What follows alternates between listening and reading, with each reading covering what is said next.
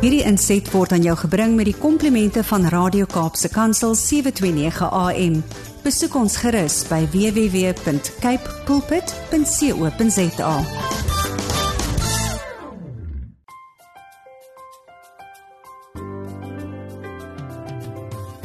Welkom luisteraars. Goeiedag aan een en elkeen van ons hier op die geselsprogram Kopskuif waar ons elke Saterdag onderwys en skoolgemeenskap sake gesels. My naam is Mirsha Eksteen en dankie dat jy vandag saam kuier hier op Kaapse Kansel 729.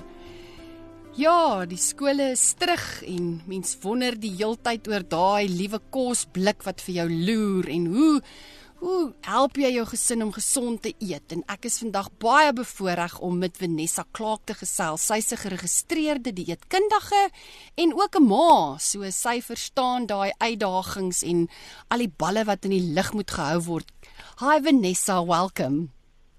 Thank you. Thank you for having me. I'm so looking forward, and I know that you're going to bless us today with all this wisdom about food and how we make the right decisions. Um, I read it so nicely on your website where you say where you said your aim is to help families and individuals nourish their bodies through food and ultimately help them to feel great about themselves and eating. So please tell us more about the kind of work you do.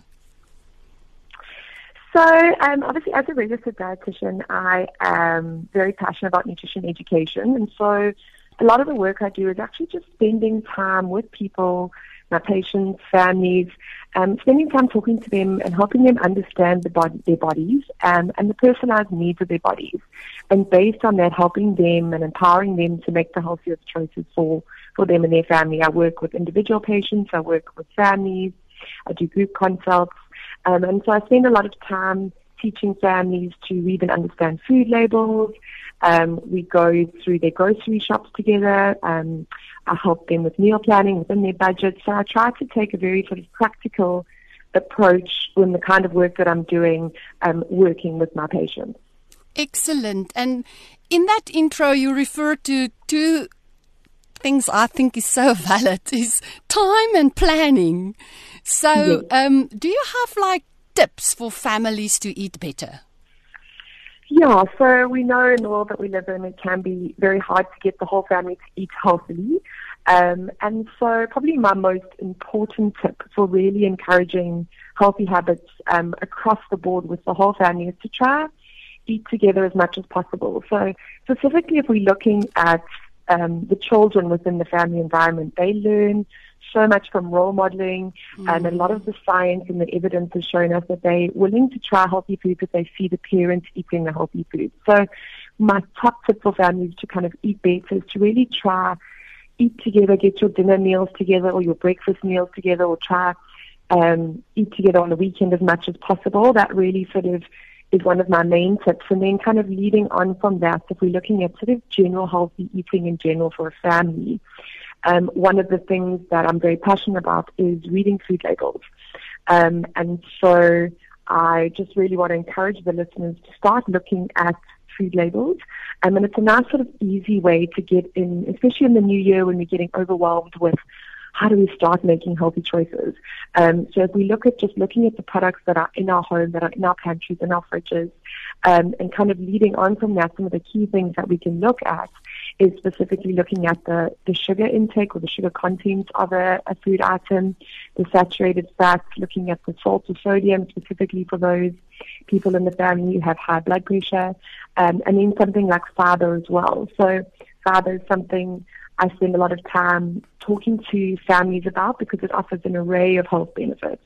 Um, and if we're looking specifically at food labels, um, if you're looking, a nice top tip for people is if you're looking at the nutritional information panel and you're looking per 100 grams, if something has um, more than six grams of fiber per 100 grams, that's considered high in fiber. So looking at the breads your family's eating or the crackers or things like that, um, that's a nice tip for families to sort of start off the year by looking at food labels and seeing, okay, how can we make small changes over time and also looking at sugar contents. Um, another tip that I like to encourage across the board with families is try dish your meals or your snacks or things onto plates. So often you know, we find we're eating lunch in the car or we're grabbing something quick to go, and then we forgot that we've eaten and we end up over eating to overeat later in the day. And same with our kids. Um, kids will come home from school and they'll just keep grabbing items from the fridge. So try dish up their snacks onto plates or meals onto a plate, and then we actually see how much we're eating mm. um, instead of just sort of grazing throughout the day. And then, sort of, just lastly, one of the other things that I often talk to parents about or um, patients around is their fluid intake. So it can be really easy for us um, especially in the Christmas season where there's a lot of functions and maybe um, people might be um, consuming more alcoholic beverages as well to kind of add on the calories with alcoholic drinks or even fizzy drinks or soft drinks and also with our kids with sports drinks and those kind of things. So just watch the energy intake that's coming in from the drinks, and we often use the term rethink your drink, mm-hmm. um, and look at can you swap things out for water? How much water are you consuming in your family? Is that a nice New Year's resolution you can all make together as a family to try increase your water intake through the day? Can you pack um, water bottles, taking your water bottle to work, making sure your kids' lunch boxes have water in. So those are just some of the sort of quick and easy mm-hmm. things that you can look at to start the year off on the right foot. Um, I like that how you put it that little one coming from school running to the fridge and just grab something to eat so um, it often happens maybe you can share advice with us on favorite foods that we can keep um, to prepare a meal without being tempted to have an unhealthy snack or even to do yes. that phone call yeah. for a takeaway meal planning, I think it, it's such a, it's almost like the first step in making that decision to follow a healthy diet. Um, and if if we have our meals planned and ordered, we obviously less tempted to choose more of convenience-based items or takeaways. And, and the problem with the convenience foods or takeaways is they can often be higher in sugar and saturated fat and also lower in fiber, which, as I mentioned, fiber is really key element of following a healthy diet. So like in my household, for example, some of the foods that I like to keep as sort of a, a backup if we're looking at things like breakfast. I always like to have some oats around. And a lot of people say to me, "Are oh, instant oats just as good as jungle oats?" So uh, as uh, your rolled oats or the ones that you have to cook on the stove. Um, so those ideally are better to have a little bit more fiber, but even instant oats are absolutely fine to use. Things like eggs, which you can always um, have on hand to have like a boiled egg for breakfast things like um, a tub of peanut butter, like peanut butter on toast for our kids. Um, those are sort of nice breakfast options to keep in the pantry. And then if you're looking at sort of lunch and dinner, some staples that I like to keep are things like tin tuna. Um, obviously, it doesn't need to be refrigerated, so it's things that you can buy in bulk. Things like also potatoes, so using like the tin tuna to make a baked potato, um, high fiber crackers, so um, then making maybe like a tuna mayo on crackers with some vegetables added into it. So those are sort of quick items that don't necessarily need to be stored in the fridge um, that you can always have on hand. And I think also um, going to sort of quick food items or favorite foods, a lot of people are nervous of using frozen vegetables.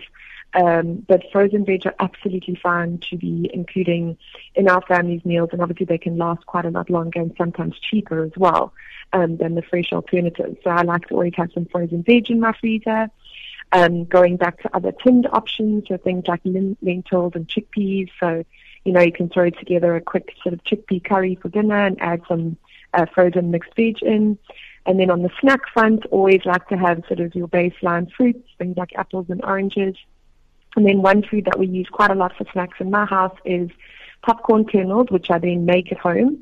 Um, and I make a big sort of um, airtight container of popcorn, and I have that as a snack, and I also give it to my kids in the afternoon.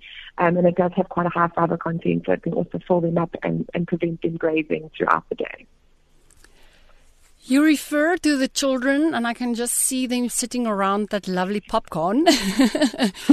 and you've also mentioned about how our kids learn from role models, and obviously for our for us as um, families to try and have meals together. So the way we talk to our children about food and eating is so important. And why do you think it's important for our children to learn about the advantages of healthy eating and meal times early in their lives? Yeah, I think, you know, that we often find that a lot of the evidence that's coming through, um, the way that kids eat when they're children, um, basically sets the tone for how they'll eat into adulthood. And a lot of the time with patients, I have adult patients coming in who are picky or fussy about food and they'll say, you know, it's something they've been battling with all their life. So it really is so key in those early years mm. um, from an evidence point of view to get variety in. Um, and even if we're finding that we, you know, not able to talk to our kids like about healthy eating in general or the actual nutrition of things, just talking to them about the importance of eating a variety. And with the younger kids, I like to talk about you know, eating a rainbow including the different colors of food and that our body needs different colors because they give us different things. So I think sometimes parents get overwhelmed with how we talk to mm. kids around healthy eating.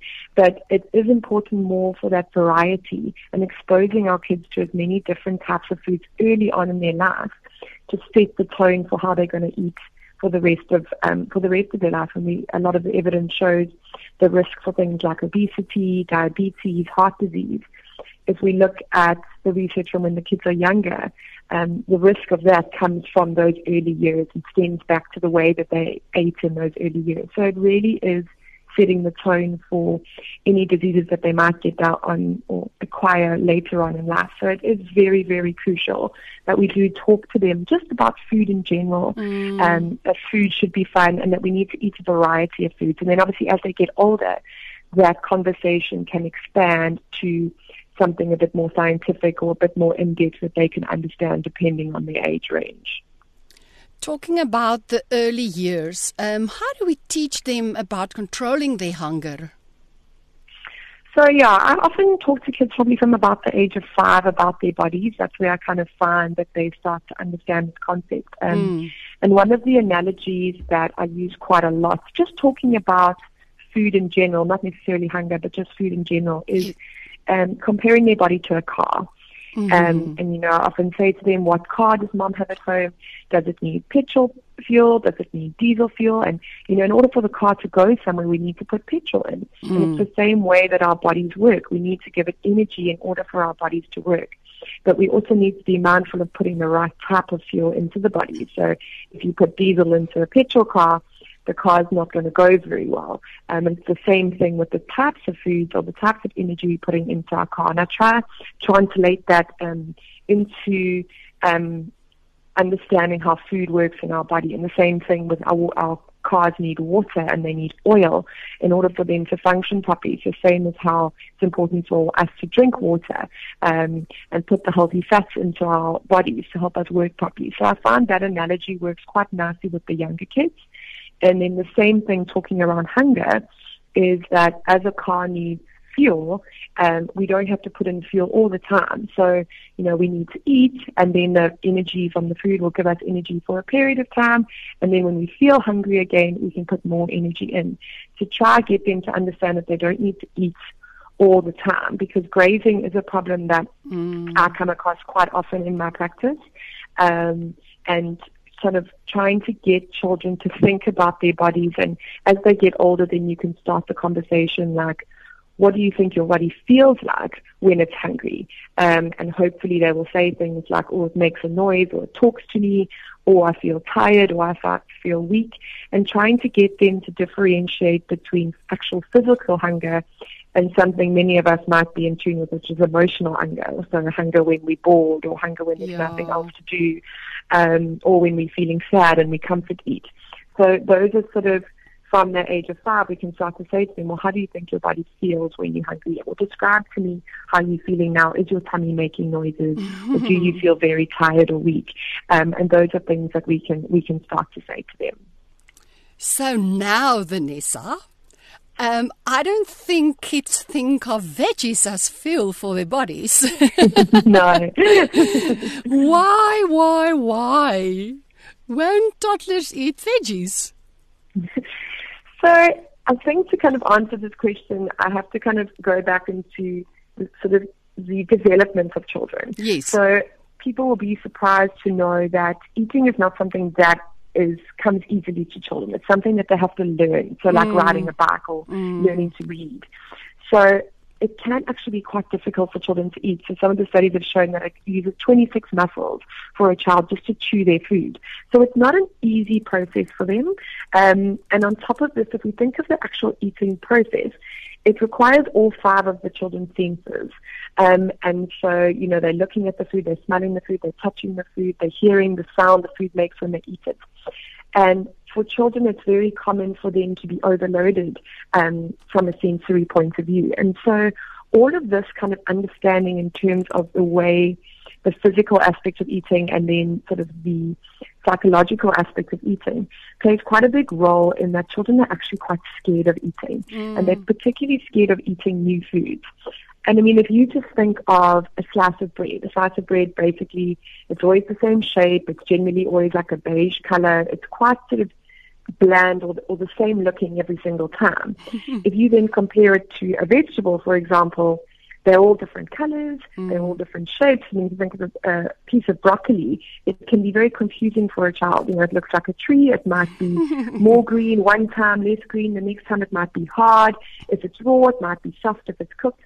And so it's very overwhelming to their senses, and they're actually scared of trying it.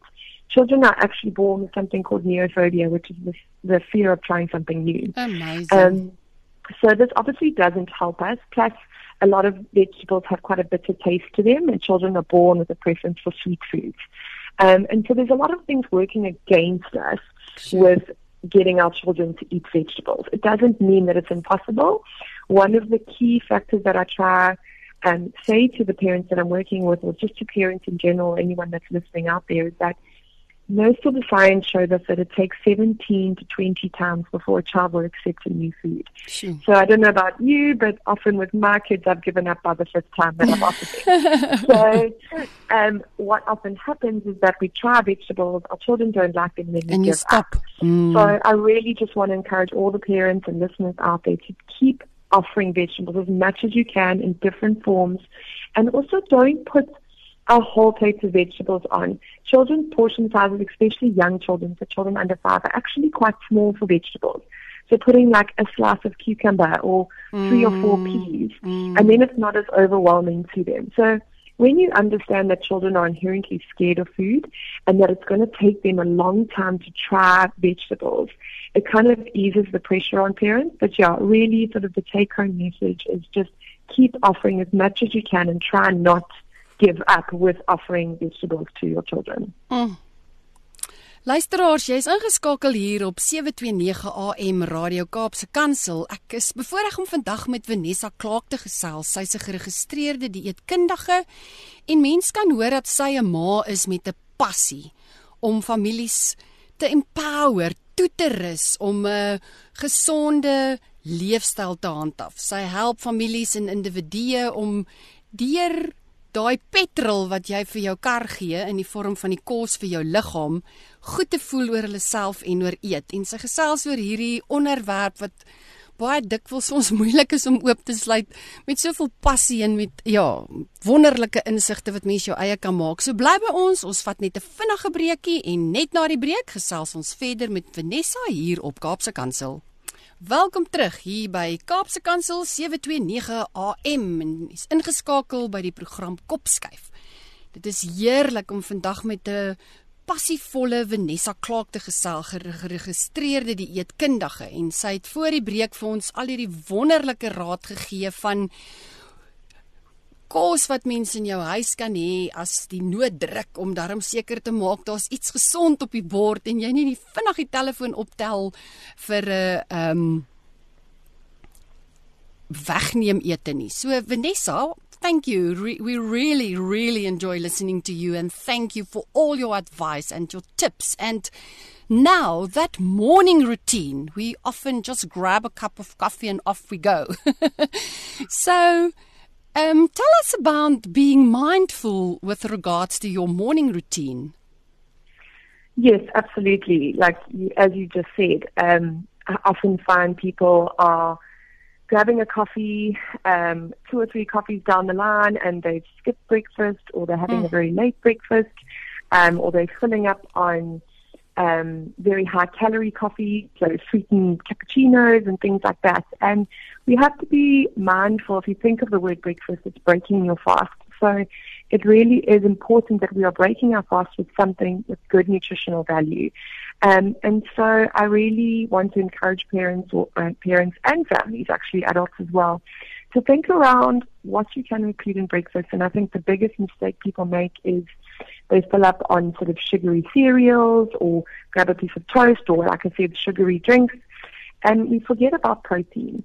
Um, and protein, we really need that early on in the morning to set the tone to help support um, all the processes that are happening in our body throughout the day. So things like boiled eggs are a great one to include in our kids, um, scrambled egg on toast, making sure that we are making adding some yogurt to our cereal or using milk in it, um, and including something that's protein rich and trying not to skip breakfast. Um, because it's important to get that energy in, like I spoke about, ah, getting that energy in early on in the day to fuel our bodies and to give it the energy it needs for all the processes that are going to happen on further on in the day. So just always be mindful of including a protein-rich food in the morning. Try eat your breakfast, um, you know, not having a big gap between having lots of coffees and then having breakfast much later. Mm. And a lot of people I find are also trying to do this intermittent fasting, um, and so they'll fast, but they'll have milk in their coffees, um, and that doesn't necessarily count as intermittent fasting because you're breaking your fast with the calories in milk. So um, just be mindful of that as well, um, making sure that there's protein in there, um, and that you're not just adding in calories purely through the coffees or teas or sugary drinks that you're having in the morning. So now our bodies need fuel. but if we're unsure about how much our children should be eating, what advice can you give? Yes, so it can be hard to sort of understand the needs of a child. And, and in my experience as a dietitian, what I often find is that parents often underestimate their child's requirements as they see children as sort of little adults and they just think, mm. okay, they're just eating less versions of us. Um, so if we're looking particularly at a child who's sort of under the age of five, I generally say to parents that their energy or their portion sizes are about half that of an adult. So for example, uh, the fruit portion for an adult is around 80 grams, whereas for a child under five, the portion size is 40 grams. So we're kind of looking at around half the quantity that a grown adult would be eating for an under five year old. This is obviously a very generalized um, yes suggestion. So some children might be different depending on their weight, depending on how active they are. But what we do kind of see is from the age of sort of six or seven, the volume of food that children are eating will increase. Um, and what I do find is sometimes a child, a very active child who's maybe doing two and a half hours of sport a day, who's maybe eight or nine years old, could actually be eating the same amount of food or have the same energy demands mm. as their mom or dad and a grown adult. So just be mindful if you are worried your child's overeating, that generally the requirements, especially if they're over six or seven years of age, are quite high. Um, and that they do actually need to eat quite a lot. But mm. if you do feel like your child is grazing throughout the day and you are concerned, rather than necessarily looking at the quantity of food that they're eating, mm. it's more important to actually look at the balance at the times that they are eating. So are their meals balanced? Mm. Are they having a high fiber, starchy food or carbohydrate? Is there a protein there? Is there a healthy fat? Because often if children are eating, it's because they're filling up on high sugar foods that are low in fiber, which don't necessarily have, don't keep us full. Um, and so children are getting more hungry more frequently, and that this leads to this sort of grazing and overeating. So I encourage parents more to look at the quality of the meal and the balance of the meal and mm. what is the mm. plate looking like and made up of rather than the actual portion size of what the child is eating, if that makes sense. Lovely. And then, um, how can we meet their nutritional needs for sport? Yeah, so there are, I find there are a lot of products at the moment that are marketed towards kids and sports. But mm. I really just want to encourage parents to think, you know, from a food first approach. So there are a lot of good, healthy, good quality foods that you can use to still meet the nutritional needs or the demands of sports. Um, and if you look at things like it's really important if you do have highly active children to focus on including foods as soon as they've finished sport as much as, as possible. So within 30 minutes of them finishing the exercise or finishing their match, we really want to get good quality nutrients and foods in there to help them recover. So things like, you know, a good old peanut butter sandwich, which includes um, carbohydrate, includes protein, and things like drinking yogurts. Those are actually quite an, uh, well, they're an option I suggest to parents quite a lot because they help with replacing fluids that could have been lost during sport and they also contain a good balance of protein and carbohydrates. Making your own homemade smoothies where you can get the energy in by adding things like oats, peanut butter, fruit, but then you also get the protein in using milk and yogurt. Mm. Um, and so you don't have to go out and buy expensive shakes um, or products um, to meet their needs. Just using your normal foods, but making sure that they are eating as soon as they finish in sport. And yeah, just I, I do encourage sort of that dairy base quite a lot from making your own yogurts, smoothies, smoothie bowls, those kind of things. And then also just on the sports front, a lot of parents sometimes rely on sort of those energy mm. drinks or sports drinks. Um, so those can be useful in matches, obviously getting them to replace all the fluid and their electrolytes as well. But just something that I want to make the listeners aware of is that a lot of them can contain artificial food colorants. Mm. And, and there is quite a lot of upcoming or new research which shows that this can negatively impact on a child's behavior. So that is where it is better to try make your own um, or using things like the drinking yogurts, which might not contain those artificial sweeteners rather than the sports drinks. Um, talking about yogurt, um, what must we consider when choosing yogurt for kids? Yeah, so yogurt is something I use a lot of in my family, and as I mentioned, um, with regards to sport, it's something can can be useful. So when we're looking at how do we choose yogurt, so when you're looking at sort of low fat or full cream, so full cream does have a slightly higher vitamin A content, okay, because of vitamin A is a fat soluble vitamin.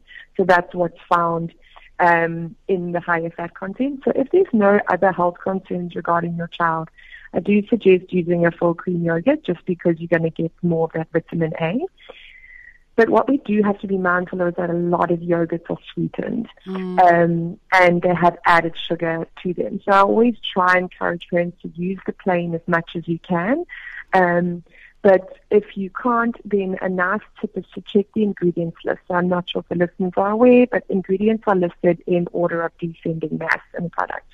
So if sugar is found early on in the ingredients list, it means that sugar is prevalent in quite high amounts in that product. So I always say try avoid something where sugar is listed in the first three ingredients. Um, it is important to note though that yogurt contains a natural sugar called lactose. Mm. And so if you're reading the nutritional panel, there may be some sugar that's in there, but that is coming from lactose. Um, so yeah, just read the ingredients list, see how far sugar down, how further down the list it is, and try to choose one where it's near the end. Um, and then with my kids, I also like to try to choose ones that have a bit of fruit in them if I'm not going the plain route. And ideally, the fruit should come before the sugar on the ingredients list, if that makes sense as well. Vanessa, you've shared lovely ideas on planning and meal times. It is just wonderful to listen to someone with all this passion. so mm-hmm. now, do you have any ideas for planning kids' lunch boxes? Yeah, well, as a mom myself, mm. I, I know, Jenny, that by the end of the week, most of us are feeling very uninspired with lunch boxes. Um, so what I try to do when planning my kids' lunch boxes is I kind of look at making sure I have one of every of four elements um, that are going in. And by doing this, I know that I'm meeting their nutritional needs and getting variety in. So the first element is fruit and veg, um, and ideally I like to get in two portions of that. So this could be your fresh veg um, or frozen frozen veg, fresh fruits, frozen fruits, um, even using things like smoothies in the lunchbox where you're adding in um, making your own smoothies using frozen fruits. Um, I try to um, limit the amount of dried fruit to maybe once or twice a week just because it is a very concentrated source of the natural sugar. Um, the second element is starchy food, so obviously your good old sandwich, um, but also things like pretzels, the popcorn again, which I spoke about, can be a great one as long as it's homemade to add into your kids' lunch boxes. Um, looking at things like high fiber crackers, so reading the food labels, to making sure that they are have more than six grams of fiber per 100 grams. I like to also include things like wraps um, or even things like French toast, which could count under the starchy food option. Then looking at the uh, third element is the protein, so things like a boiled egg, um, or like I mentioned, the French toast, so using the egg to make the toast.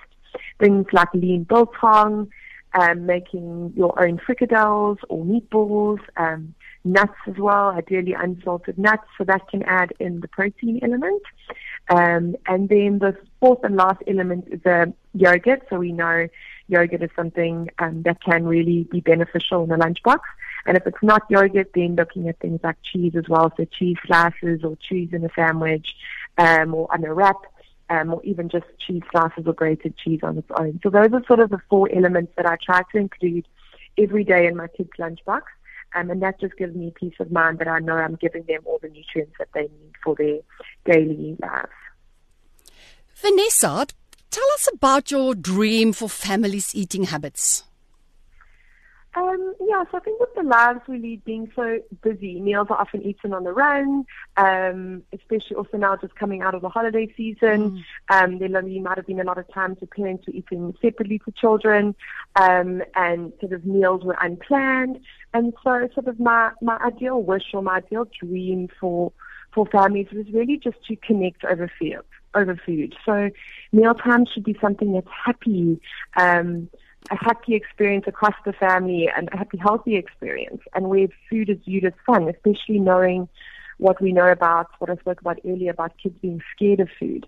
Um, so it should be something that's fun, and I really just want parents to eat more together. Mm. Um, and, and when we find this thing, generally parents are more intentional with meal planning, um, and the kids also tend to be less pickier. So my real dream is just to make mealtime fun.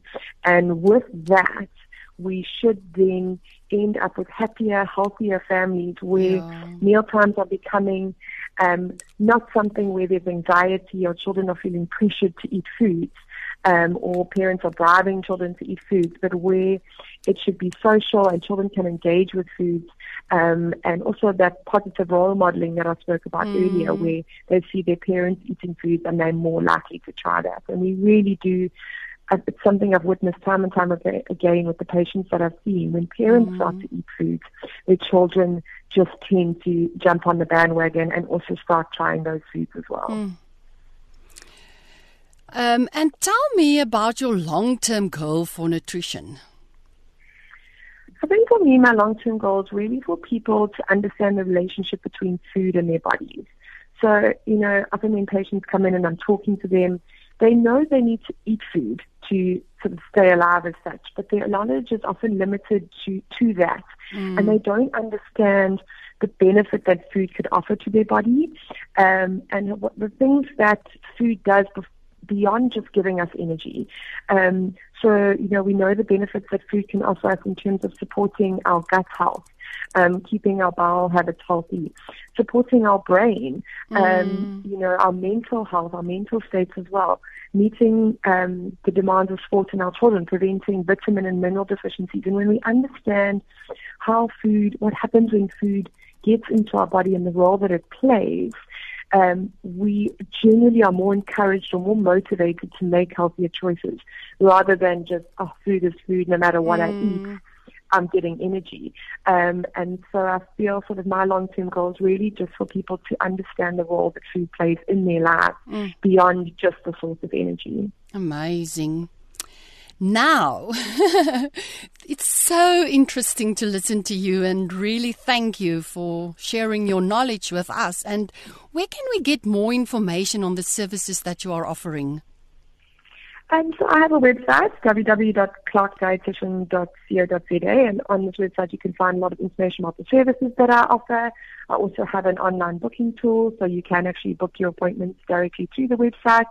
I do offer online consults as well for those that are not based in the Durban area.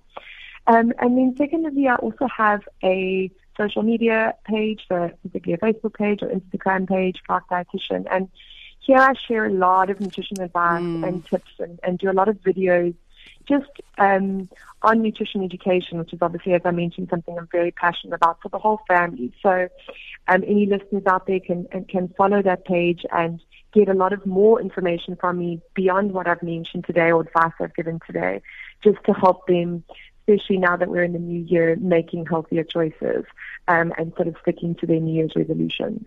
Lovely. And then one last thought from you.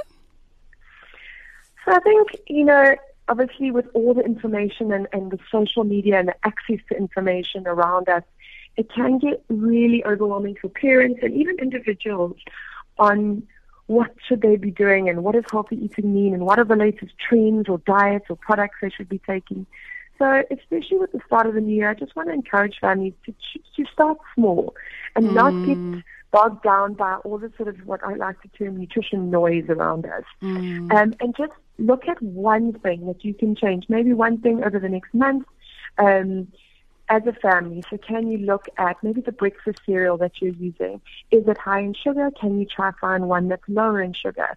Can you change your bread to a higher fiber bread? Or can you get your family across all the members to drink more water?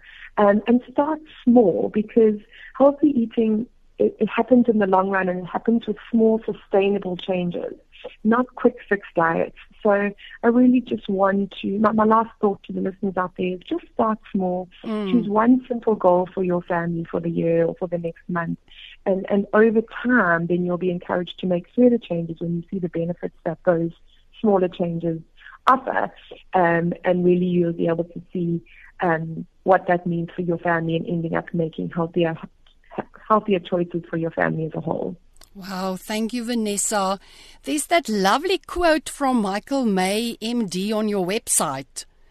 Um, yes. Yeah, the purpose of eating is not to feel full, but to fuel your full life. So yes, absolutely. Yes, so really, really thank you, and I would like to invite the listeners to pay your website a visit. Um, there's that lovely two-week full that um, two week kids lunchbox planner.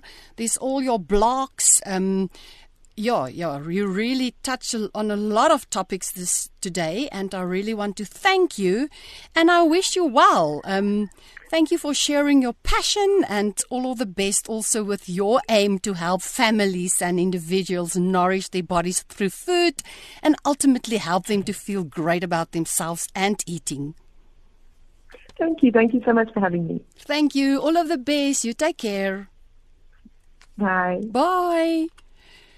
Luisteraars, dit was Vanessa Clark wat vandag hier saam met ons gekuier het. Maak gerus 'n draai op haar webwerf. Dis Clark dietitian.co.za. Ehm um, daar is wonderlike blogs. Ehm um, Vanessa het gesels oor al die dienste wat sy aanbied, soos ek genoem het. Daar's 'n uh, 2 weke lunchbox planner. Sy het gesels oor die um food ja, die food labels, die vo die voedseletikette en sy bied ook 'n wonderlike praatjie op haar blog daaraan. San sy skryf hier food labels can be very confusing and can be hard to know um whether a food item is healthy or not. So ja, ek nooi jou uit.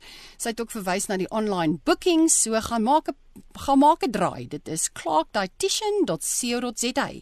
So van my kant af baie dankie vir vandag se saamkuier. Dankie vir elke luisteraar wat deel is van die Kopsky familie. Onthou, hierdie episode kan weer geluister word. Vertel ook vir vriende en familie om 'n draai te maak by www.kpulpit. Klik op potgooi en dan op Kopskyf. Skakel elke Saterdag van 4 tot 5 by ons in hier op 729 AM Radio Kaapse Kansel waar ons onderwys sake gesels want by die ATKV glo ons dat onderwys almal se verantwoordelikheid is. Ek groet tot volgende week. Hierdie inset was aan jou gebring met die komplimente van Radio Kaapse Kansel 729 AM. Besoek ons gerus by www.cape pulpit.co.za.